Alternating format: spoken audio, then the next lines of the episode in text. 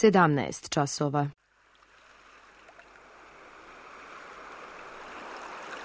Radio Televizija Srbije. Radio Beograd 2.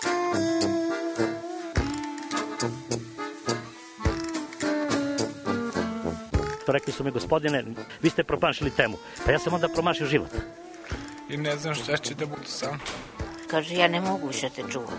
Šta da ti radi, kaže, snađi se kako znaš. Mi smo kao u kafesu. Za nas to je najmrtvo. To je mrtvo za nas, naročito. Ja bih željela neko da me usvoji. Da bih željela. Govori da bih te video. Program dokumentarnog zvuka.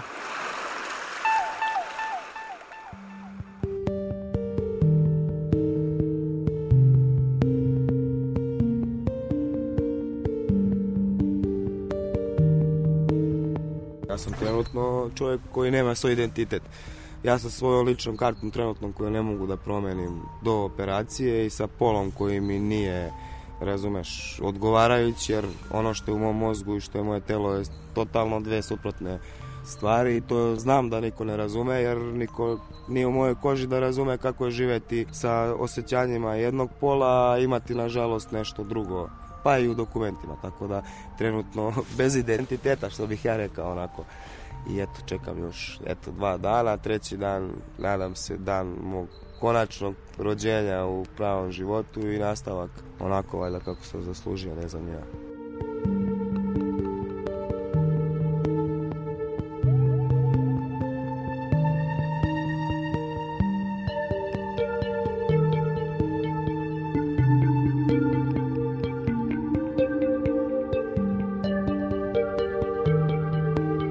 Iako rođen kao biološka žena, nikada se tako nije osjećao. U iščekivanju operacije promene pola, kada će konačno, kako kaže, biti potpun, on živi kao muškarac, onako kako sebe doživljava i vidi. O tome kako izgleda život u kome su um i telo neusklađeni, čućete u dokumentarnoj reportaži Čekajući sebe.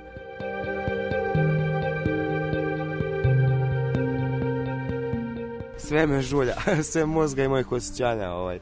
E, pa ništa, odrastate kao dete, normalno, ono, peta, šesta godina i dalje, nemate saznanja da ste vi ipak drugačiji, da tu nešto nije u redu s vama vaša okolina, da li ono, misleći da ste dete, da ste još mali, pa i primećuje, ne primećuje, ne obraća pažnju dovoljno, doktori tada isto se čude i tada sam imao problem kad odem negde, bilo gde na sistematski pregled, imao sam problem u školi, kao što ne razumeju šta sam ja to, kao oni me prozivaju po tom biološkom, razumeš imenu i svemu, a ja sam ceo život izgledao tako drugačije. Sav taj period odrastanja, posebno po 18. godine je tek šok za organizam. Meni se razvijalo, eto, mogu da pomerem, i 45 broj patika i kolika šaka i sve i dlake tamo gde kao nisam trebao da imam, ali imao sam i sad vi kao dete se s tim, šta, rastete, susrećete, naš, u porodici, po svima njima kao ne znam kako da se izrazim jer ja se tako ne osjećam ono,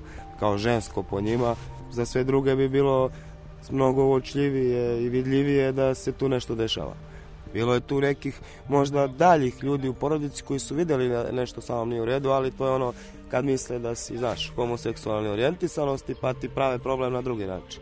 Znaš, osuđuju te, vređaju te, svašta nešto, razumeš. Tako da to je u suštini bio najveći problem, što su tokom celog školovanja svi ljudi i škola i sve, e, gledali to jer su morali da me upoznaju, shvatili su koje moje ime u dokumentima, nažalost, i onda, znaš, išli su na to gledajući me tako. A onda je to u meni još veću neku buru i bes izazivao, ja ne, ne kažem ništa da imam protiv, nego e, zato što nisam, ja osjećam se kao muškarac i sve radim kao muškarac.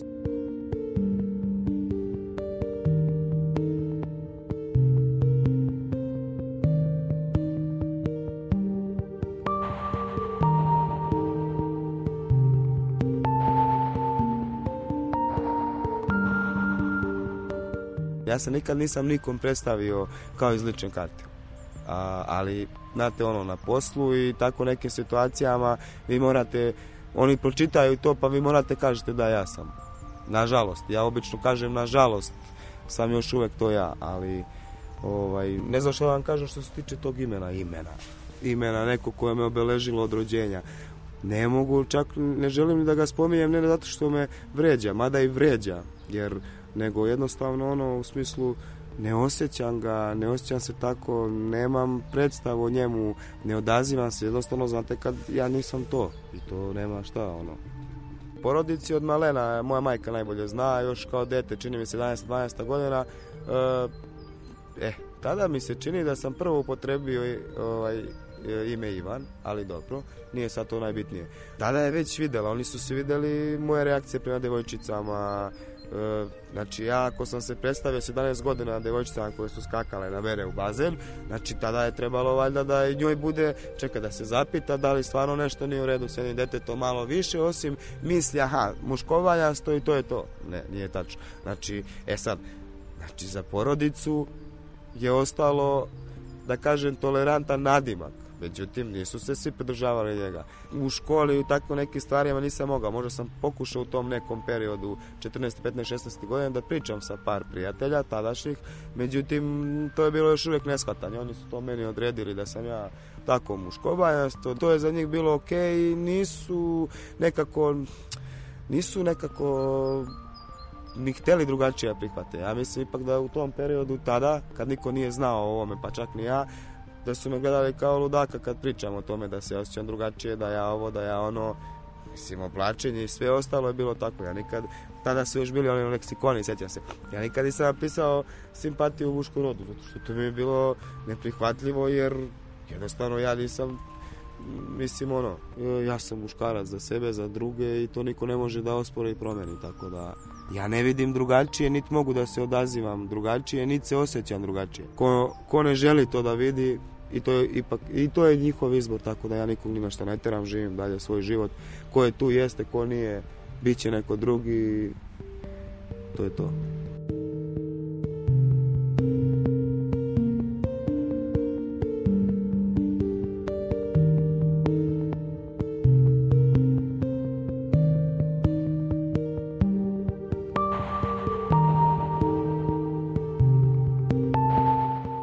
ja sam u štini živeo dalje život od te 18. godine kad sam video da definitivno ja neću biti nikada normalan i neću biti srećan.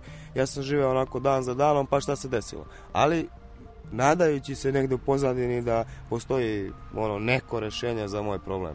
Jer tada u to vreme se nije znalo da postoje operacije promene pola, da postoji rešenje za to, to još kod nas nije bilo toliko rasprostranjeno aktuelno, nije se znala do, do te neke, sećam se, mislim da bila 2003. četvrta, kad sam ja negde slučajno video intervju sa doktorom Savom Perovićem, koji je tada obavljao te operacije već kod nas, tako da ono, znate, posle toliko godina, ono, to, to mi je onako ona najsjajnija neka bila vest, tačka, sve mi se obasjalo jer sam ja u sebi znao da postoji rešenje, da meni neko može da pomogne da nastavim bar život da kažem onako kako se osjećam.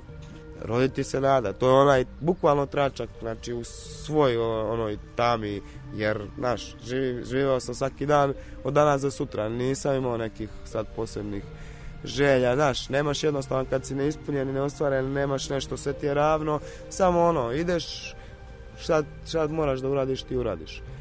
A, I onda odjednom, eto, svetlost i u tom trenutku sam odmah istog trenutka znao da ja pod hitno moram naći kontakt do doktora, otići na kraju krajeva sa nekim ko se razume i ko zna već o tome da pričam i tu je to je već bilo neminovno, na prvom tom razgovoru je bilo neminovno. Sećam se tada je doktor Rakić e, radio kao psihijatar sa doktorom Savom Perovićem i pogledali su mi šake i dole stopala, uopšte moj, moju konstituciju i sve to gde je ono isto rekao u fazonu nema šta to je to samo ćemo početi sad s procesom tim praćenjem normalno kao sada i u ovoj meri međutim problem s kičmom i tako dalje to se odužilo milion drugih stvari koje su me poremetili drugih problema, problema oko mene, da kažem, i svojih zdravstvenih stanja, tako da sve se to odužilo, prošlo je 10 godina onako malo teških 10 godina, ali dobro, na kraju krajeva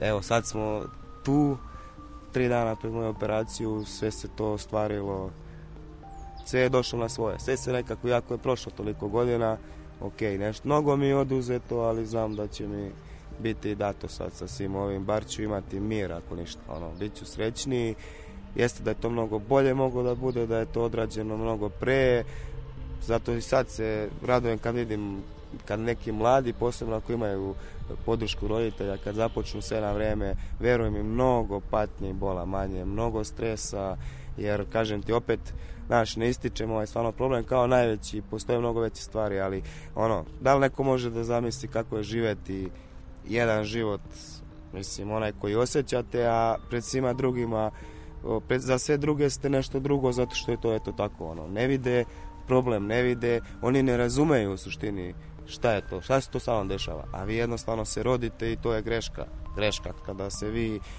razvijete, mozak vam je u muškom rodu, telo se negde koliko toliko razvilo više u tom ženskom nego u muškom, ali ne u merama kao što si evo, na primjer, ti ili bilo koja druga žena. Da se mnogo ranije pristupao, eto, na primjer, u mom slučaju da sam počeo sa hormonskom terapijom mnogo ranije, verujem da bi mnoge stvari bile bolje. Ne bi mi stradalo mnogi organi. Prvo, i osnovno srce. Svako od nas mnoge stvari trpi u sebi, potiskuje i ja, koliko znam, svakog kao što sam ja, verujem i da imaju problema negde koliko toliko sa srcem, jer znate kako, ceo život žive s tim bolom i sabijaju u sebi. I nema gde da puste drugačije. Ja znam, jer znam od kad primam hormone da mi je mnogo bolje. Po tome vidim, po tome znam da je to onaj koji je treba da prevlada. Kamo sreće da je to sve ranije bilo, ali dobro nikad nije kasno, evo. Sad smo pred cilj i pred ostvarenje svega ovoga, pa u novi život. U novi pravi život, što, bi, što bih ja onako rekao.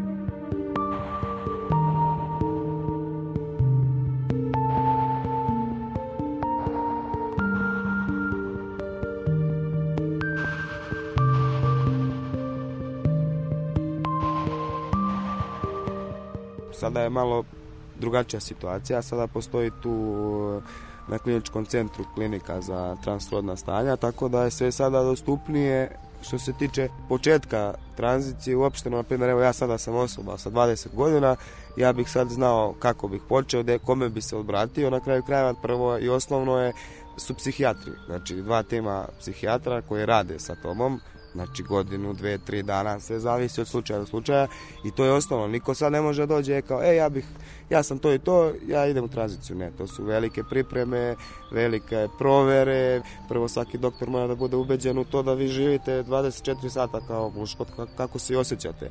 Jer džabe sve ako oni ne vide da je to stvarno to stanje.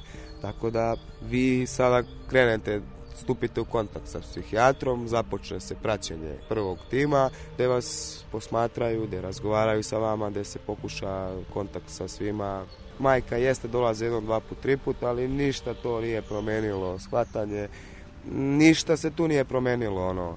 Tako da sam sam nastavio sa svojom devojkom, koja mi je jedino i sve u životu, koja mi je podrška, ono, baš, baš i Sa njom sam nastavio svoju tranziciju, svaki razgovor, ona je bila tu prisutna.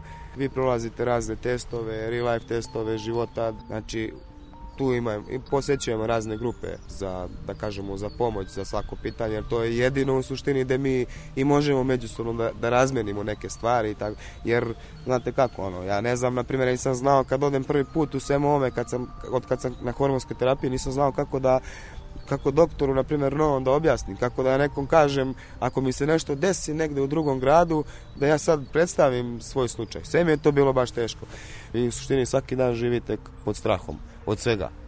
Jer ja dođem u situaciju da treba nekom da objašnjavam, makar i ovamo po ovim opštinama, po bilo gde, znači pošti. Ja ne mogu da podignem novac, ne mogu nigde ništa jer jednostavno oni mi se smeju kad ja dam ovu ličnu kartu i neko bude neprijatan, neko bude ovako, svakakvih iskustva ima a da uzmem u obzir i dalje zapošljenje, uopšte bilo koji vid, da kažeš, sve mi je problem. Prilikom stana, izdajmljivanja, meni je problem. Prilikom svega mi je problem. Znači, ono, znaš, e, to, to su one stvari koje oni ne shvataju. Kako je, kako je čoveku živeti sa tim.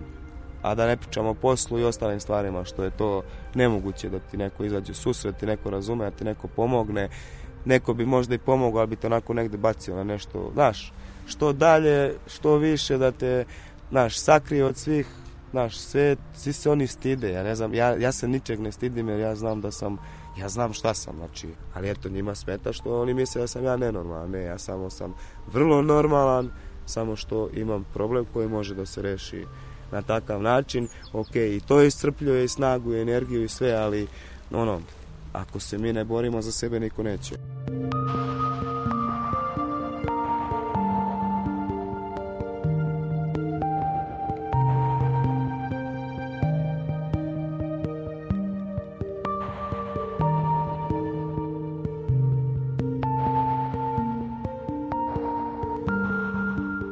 kada se proveri, da kažem, prvi, kod prvog tima psihijatara, kada se proveri stanje, kad se utvrdi da je to definitivno to, e, oni vas upućuju kod endokrinologa koji vas naravno prvo proverava kompletno kako vam je stanje, jer znate, milion varijacija postoji sa našim problemom, znači kako se ko osjeća i koliko je ko u kojoj meri, da kažem, ima neko oštećenje. Što se tiče, evo, na primjer, ja sam svoj hormonski status pred započinjanje ove hormonske sada tranzit, pred tranziciju imao maltene nisam nije postojao taj ženski da kažem hormon u sebi ispod svake granice koji mi je naštetio telu za sve ove godine. A na primjer dok je testosteron bio uvišen za nenormalno za na primjer eto što bi oni svi rekli biološku ženu od rođenja. Znači i ti podaci su ukazivali nešto drugo. A kamoli da ne pričamo o spoljnim karakteristikama i tako dalje. I ništa, onda posle takve provere vi krećete sa svojom dozom hormona, to jest da prevladaju naravno muški hormoni u vašem telu, gde kreću i promene. Ja u svojih 34 tada nastavljam period e, puberteta, tog menjanja tela, vama se svaka kost menja, vama se faca menja, kreću, kreće brada onako kako želite, to su trenuci koje, koji ono, svega svega vredi, da tako kažem. I vi se tome radujete, jer napokon je ono što gledate, napokon počinje da liči na ono što i osjećate. I onda dolazimo do sklada, znači da kažem, uma, tela i tada onda tek dolazi mir. E sad, u drugu stranu, u svim tim trenucima nastaju najveći problemi što se tiče naše egzistencije.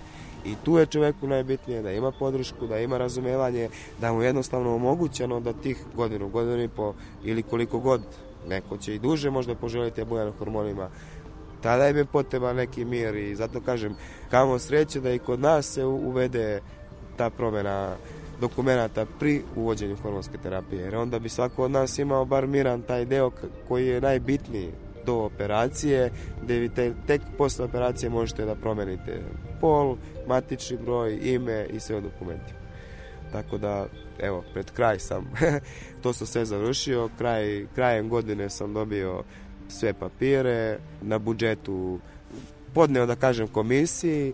E, sada država finansira neki deo. Čini mi se da je to oko 69% operacije.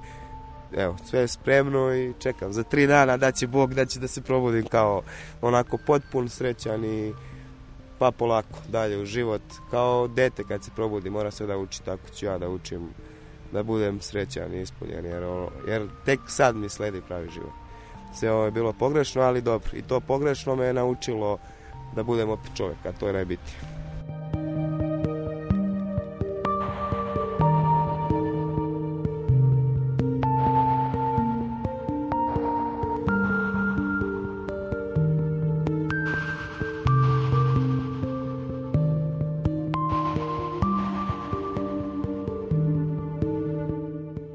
možda sam izgubio sve u smislu, možda nikad nisam ni imao pravu podršku, da kažem, e, roditelja posebno i uopšteno porodice. Možda u nekim mlađim danima su tu bili baba s jedne strane, deda s druge strane, ali ovaj, nekako to sve to u jednom trenutku da se borite jednostavno više za njihovu ljubav, jer e, ne znam, davao sam sve, pokušavao da približim se, da im objasnim, naravno da tražim, da je svaka, svaka osoba da želi pažnju ljubav, da, da je to nedostaje. E, nisam imao, jednostavno vremenom sam shvatio nisam je više jurio, nisam je tražio, nisam trčao za njom i eto, što bih se sada i pohvalio jer srećan sam čovek, imam osobu koja me voli više od svega, to je moja buduća žena, tako da to mi je onako iskreno udopotpunilo sve ono nedostajanje što nisam imao ljubav jer svako od nas je rođen da bi bio voljen i da bi voleo koja god veza bila u pitanju da rodbinska, prijateljska, ljubavna kako god, partnerska ne znam ni ja ovaj, ono sve što nisam imao što sam izgubio dobio sam u njoj jer ono ona je ona je mi je sve, ona je moja kraljica, tako da ja to umem da kažem, tako da zaslužena za sve i i dobro i za sve što sam istrajao i ona koja mi je dala i snagu i veru i energiju i jednostavno da krenem dalje, da kad je bilo najteže, a bilo mnogo teško prethodnih godina i po dana, davala bi je stvarno snagu da krenem dalje, da istrajem i da, da imam jednostavno snove, da snove o daljem životu, o daljem stvarima, ono. Tako da negde izgubite, negde dobijete.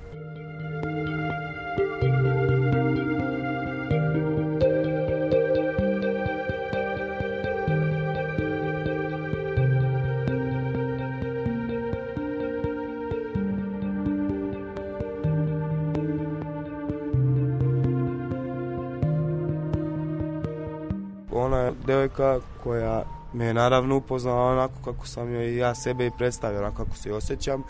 E, nikakvih problema nije bilo, možda je bila malo u šoku jer nije verovala da ja nisam i biološki muškarac, ali šta da vam kažem, jednostavno kad je neko normalan, kad razume i kad vidi da je to tako, da nema druge istine sem one koje sam joj rekao, tako da jednostavno videla je osobu, videla je muškarca u meni s kojim je želela da nastavi s kojim je želela ono što je i osetila takođe kao i ja. Srećni smo, to je najbitnije. Kad se neko potrudi da razume sve je moguće. Sada imam šansu da ostvarim, da kažem, svoj dom, da započnem svoj život normalno i da živim srećno u svom domu. Naravno, probat ćemo što se tiče i dece, postoje solucije. Koliko danas parova isto tako ne mogu da imaju decu biološkim putem, probaćemo veštačkom oplodnjom, zamenom DNK, gde bi dete bilo i moje, ukoliko ne uspe, postoji veštačka oplodnja samo nje što se tiče, ukoliko i to ne, ne bude moglo, postoji toliko dece koje su usavljene i ostavljene, naravno da bi usvojili i učinili srećnim u jednom zdravom okruženju, zdravoj porodici, dvoje normalnih ljudi koji se vole i koji će da usreće bilo koje dete na planeti. neću, neću da se predam, tako da znam da ću da živim srećan i znam da ono, radovat ću se svemu. Ne mora, ne, ne valja sve biti ni savršeno, ni kompletno, totalno. Ja znam da ne mogu imati neke stvari kao da sam biološki muškarac od rođenja, ali dobro, Bože moj, negde izgubite, negde dobijete i tako je sve u krugu u suštini.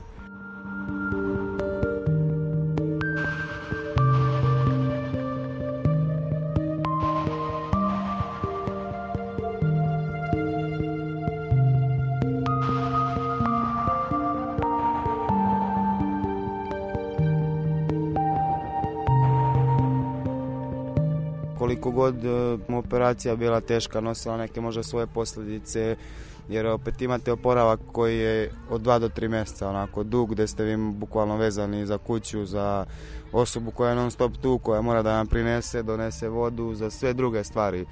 Ne bih mogao da kažem nepokretan, ali bukvalno ste zavisni od drugih koliko god to bio težak period i koliko god nosio teške trenutke i nespavanja i dosta bolova, sve to ne može da se poredi sa onim osjećajem vaše ispunjenosti po svega toga i ne postoji solucija pod kojom bi ja ostao ovako i dalje. Nemoguće je živeti kada niste u skladu sa, da kažem, svojim mozgom i svojim telom. Tako da nisam se nijednog trenutka onako raspitao, niti se ja plašim sad operacije, niti se plašim ishoda, niti ja imam problem sad sa tim nekim stvarima. Znači ja samo želim da se probudim srećan i da ono ugledam par ljudi oko sebe koji bi znače i koji su pokazali koliko su tu, tako da šta, i šta više tražim od života. Napravit ću svoj dom i bit ću srećan.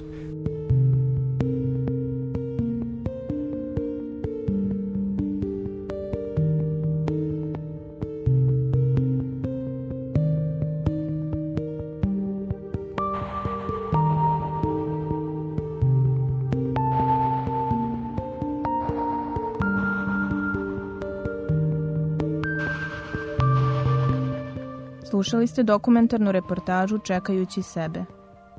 Ton majstor Ljiljana Arsić, autor Milana Radić.